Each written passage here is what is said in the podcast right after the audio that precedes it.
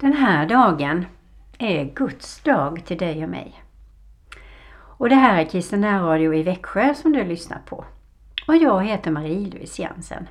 En välsignad morgon och dag i vårt nya vinterland ute.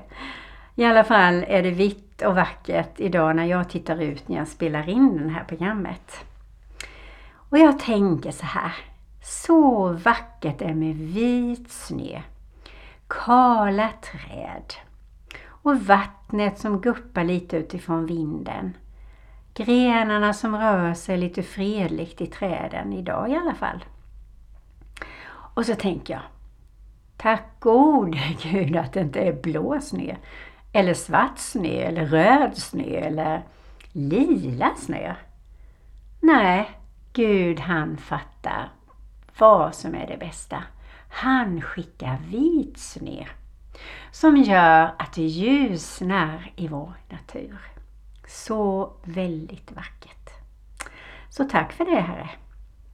Jag vill tända ett ljus för Jesus och eh, han är ljuset i våra liv. Han är det bästa, det bästa, det bästa man kan ta emot och fylla sitt hjärta med. Och han ska ha den enda platsen. Han vill inte dela det med någon. Så tack Herre att du vill bo i våra hjärtan. Tack Herre att du söker varje människa och att du vill så väldigt gärna komma in i varje människas liv. Och du älskar varje människa och du vill bara, bara det bästa. Så jag ber just nu Herre, att om det finns någon som lyssnar på det här programmet idag, så ber jag här att du rör vid den personens hjärta, om du inte bor där inne. Så att den personen kan öppna sitt hjärta på vid gavel och säga Kom in i mitt liv. Sprid ditt ljus. Kom med din kärlek. Kom med ditt goda. Och ske din vilja i mitt liv. Och jag tackar dig Herre för att du var så på mig när jag var 30 år.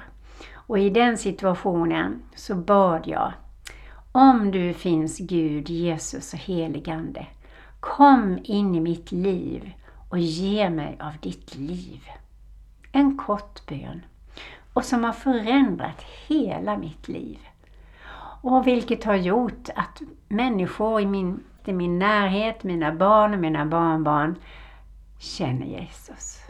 Därför att ditt ljus Jesus är så förunderligt. Och vi smittar med Jesu ljus. Det är inte vi som smittar, utan det är Jesu ljus i oss som smittar. Så tack för det, gode, gode Gud. Amen.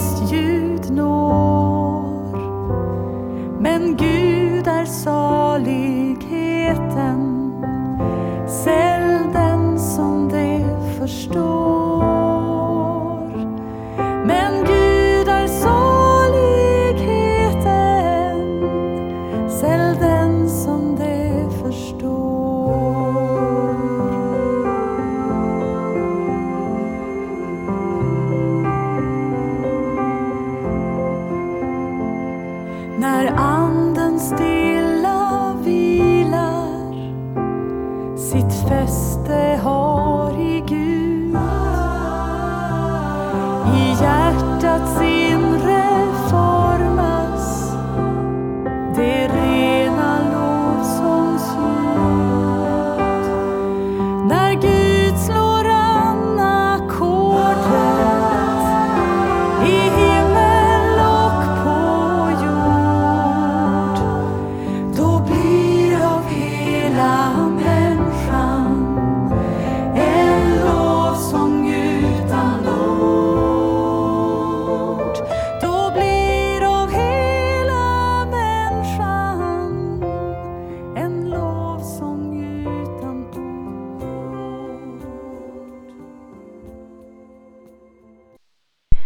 För lite mer än två och en halv månad sedan så kom det ett paket i brevlådan och i det paketet så låg det en present från min böneväninna och vän Agneta.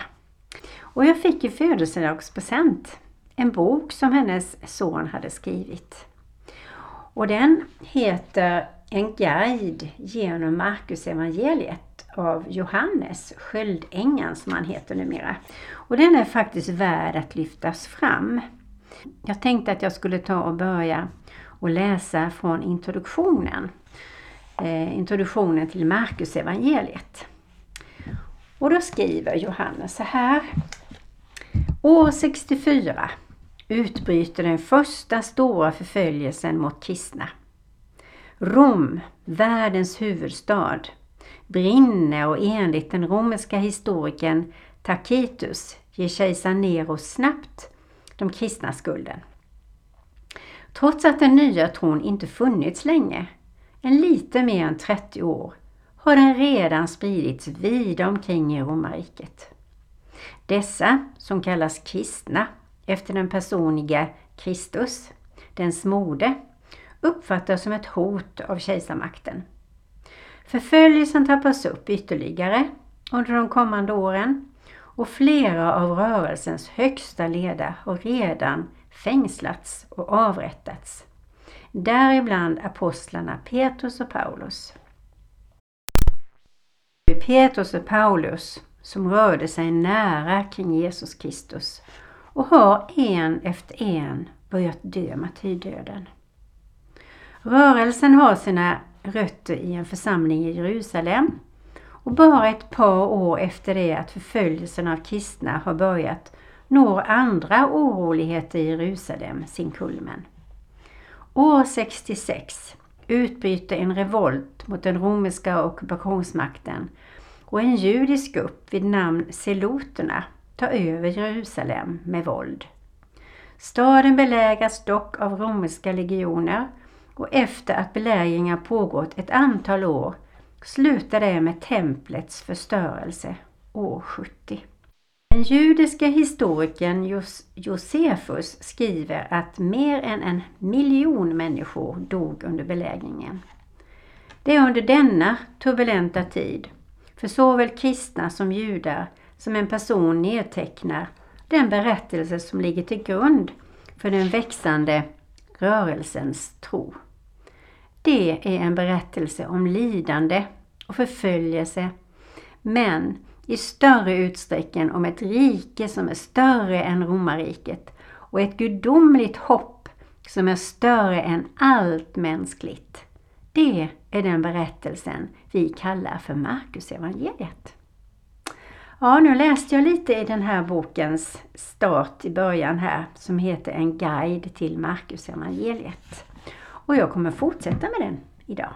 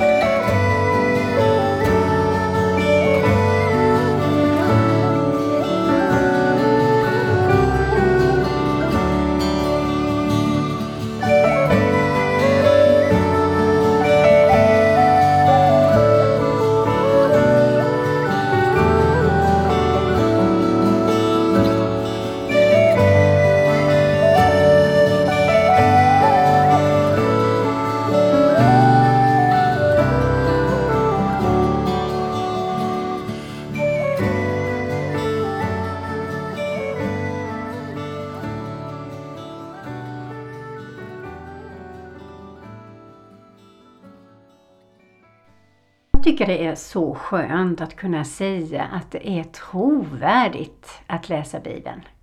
Att de människorna som har skrivit de här olika böckerna ihopsatta till Bibeln, varenda en har på ett eller annat sätt haft kontakt med Jesus, Gud, fått tilltal, varit med Jesus, upplevt viktiga stora saker i förhållande till Gud, Jesus och helig Ande.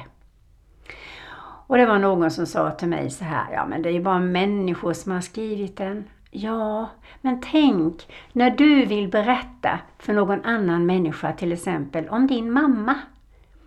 Så är ju det roligt för dina barnbarn till exempel att få läsa det.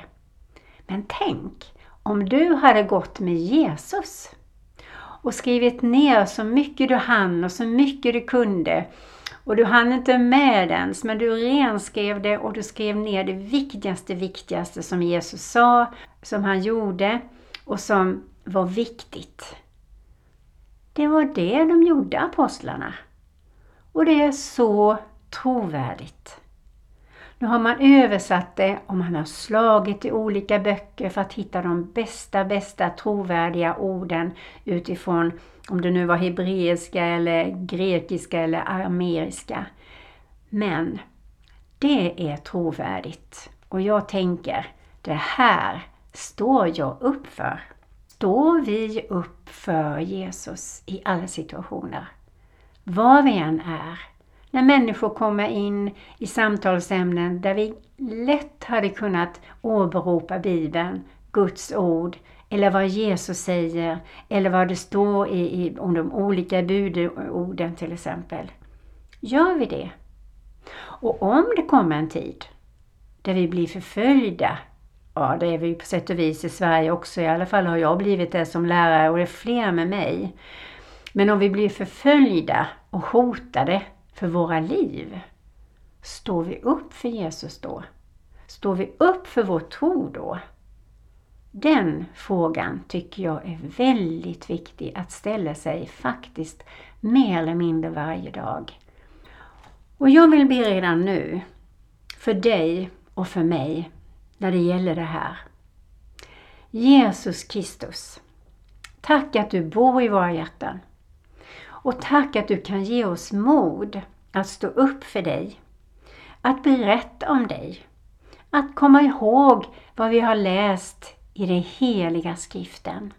Vi ber om ett minnesunder i våra hjärnor där vi kommer ihåg i vissa situationer vi kan uttala att det här står i Bibeln. Och vägleda människor med Guds heliga ord.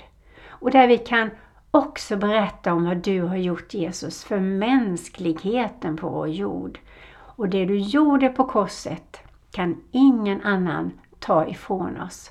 Ingen kan ta nåden, kärleken, förlåtelsen, närheten, bönen, tron ifrån oss. Den ska fördjupas ännu mer varje dag i din närhet Jesus. Amen.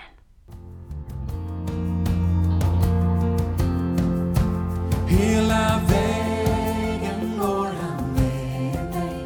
O, vad kan jag önska mer? Kan jag tvivla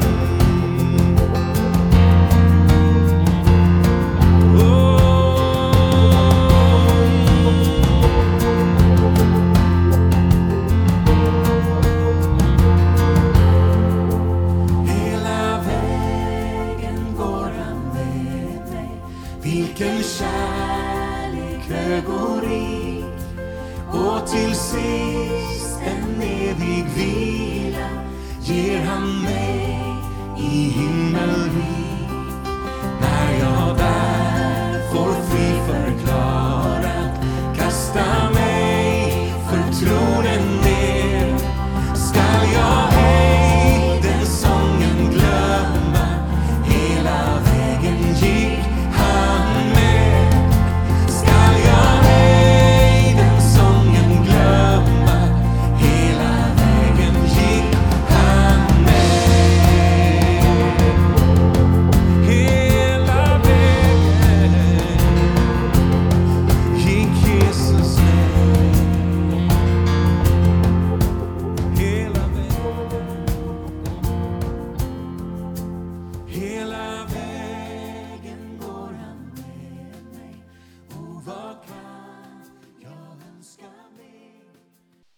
Vidare i boken En guide till Markusevangeliet av Johannes Sköldängen.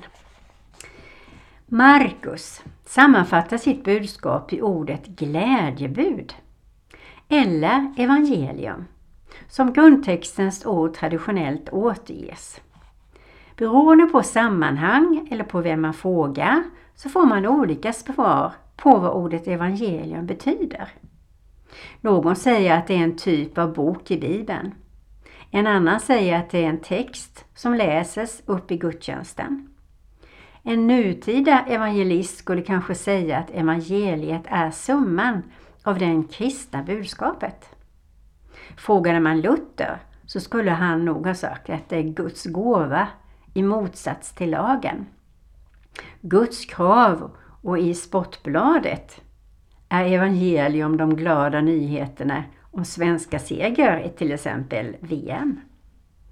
Men för aposteln Paulus är evangeliet vittnesbördet om Jesu försonande död och uppståndelse. Men när Jesus själv förkunnar evangeliet kan det inte vara sin egen död och uppståndelse han talar om, även om det successivt visar sig vara en del av hela budskapet. Ordet evangelium är inte en kristen uppfattning. När Markus skrev sitt glädjebud levde han i den romerska riket där en evangelisk var en budbärare eller härold med ett budskap från högsta ort, ofta från kejsaren. Och den som hörde ett evangelium i den grekiska världen på Jesu tid visste omedelbart att det rörde sig om stora nyheter. Exempelvis att en kejsare var född eller att ett krig var vunnet, att det romerska riket hade utökats. Men det som kännetecknar ett evangelium är något som har hänt. Ett nedslag rakt in i historien som förändrar tillvaron för alla. Det gamla är förbi, en ny tid är inledd. Och det är ju så att vår tideräkning baserar sig på Jesu födelse. Och det är stort tycker jag. Det ska vi inte glömma, det kan vi berätta. Den nya tiden pekar mot framtiden och just nu lever vi i mellanrummet mellan den inträffade händelsen med Jesu födelse och framtiden.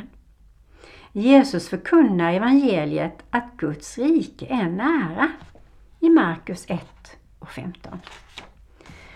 Guds rike är svårt att beskriva. Till och med Jesus frågar sig vad ska vi likna Guds rike vid, säger han. Vad ska vi använda för bild?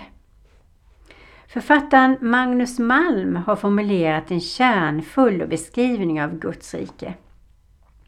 Guds rike är det parallella, osynliga universum där allt är rättvänt och människor lever i goda relationer till Gud, sig själva, alla människor och hela skapelsen. Det är en ganska god sammanfattning av vad Jesus kommer med. Genom Markus evangeliet får vi följa hur Jesus undervisar om Guds rike i ord och handling, som ytterst manifesteras i hans död på korset och uppståndelsen på den tredje dagen.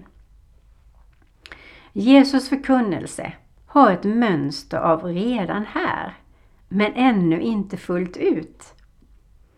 Guds rikes ankomst är något som sker just nu, men som kommer att växa och bli ännu större, står det i Markus 4, 30-32. Det sker på ett sätt som är mystiskt och obegripligt, men med makt. Eftersom Guds rikes motsats är död och undergång är det särskilt viktigt att gå in i det. Han sa, vad ska vi likna Guds rike vid? Vilken liknelse ska vi använda? Det är som ett senapskorn. När man sår det är det det minsta av alla frön på jorden. Men när det blivit sått växer det upp och blir större än alla andra köksväxter och får så stora grenar att himmelens fåglar kan bygga bo i dess skugga. Men många sådana liknelser predikade han ordet för dem på ett sådant sätt att de skulle kunna förstå. Han talade bara i liknelser till dem, men när han var ensam med sina lärjungar, då förklarade han allt för dem.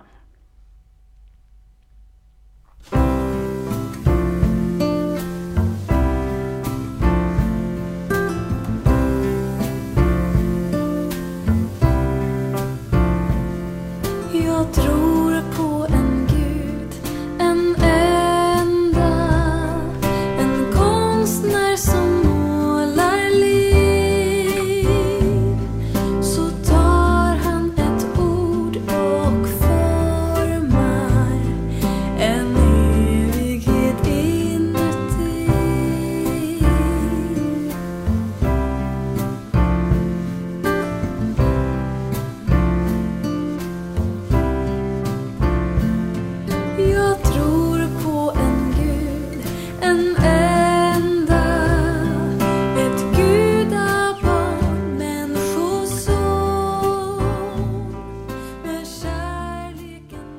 kärleken liknelser är ju väldigt bra. Och Jesus han berättade många liknelser för att lärjungarna och för att vi ska förstå kärnan i det han sa. Jag tänker hjärtat som en kruka. Och i krukan tänker jag att vi ska plantera ett trosfrö. Precis som när man tar emot Jesus så börjar ju en tro att växa. Men för att den ska få växa i lugn och ro så behöver man ta bort ogräs med jämna mellanrum. Man behöver titta till det kanske varje dag för att ta bort ogräs och sånt som inte ska finnas. Vi behöver ge jorden näring och eh, näringen i vårt hjärta är bibelläsning, lovsång, psalmsång, gudstjänst, nattvard och undervisning och även att man kommer in i en hemgrupp ganska så snabbt där man kan ställa sina frågor som nykristen med sitt lilla trosfrö. Man behöver vatten från den heliga Ande. Man behöver värme och kärlek från både Jesus, Gud och helig Ande och från andra kristna. Man behöver någon mentor, tror jag, en andlig mamma eller pappa. Och man behöver ljus från Jesus som belyser. Precis som alla frön så behöver de bort med ogräs, näring, vatten, värme och ljus. Och det är precis samma sak med trosfröet som vi får när vi tar emot Jesus i vårt hjärta. Ja, jag är ingen teolog eller någonting sånt. Men jag tror att det kan vara så här i alla fall. Vi knäpper våra händer. Herre, vi tackar dig för att du kan så in mycket, mycket tro i våra hjärtan. Och vi behöver fylla på med tro, Herre. Vi behöver fylla på med, med bibelläsning, lovsång, psalmsång, gudstjänst, undervisning, nattvard och allt det där härliga. Komma in i en kristen gemenskap. Vi behöver vatten från dig, heligande. Och vi behöver värme och kärlek, förlåtelse och ljus från dig, Jesus. Tack för vad du gjorde på korset. Och tack för att vi får vara dina barn, Herre. Och att vi får ta emot så ofta vi behöver för att växa i vår tro, gammal som ung. Så vi lägger våra liv i dina händer och tackar och prisar och lovar dig för din kärlek och för din trofasthet. I Jesu Kristi namn. Amen. Från Marie-Louise Jensen och Kristen Radio i Växjö. Vi önskar dig en välsignad dag.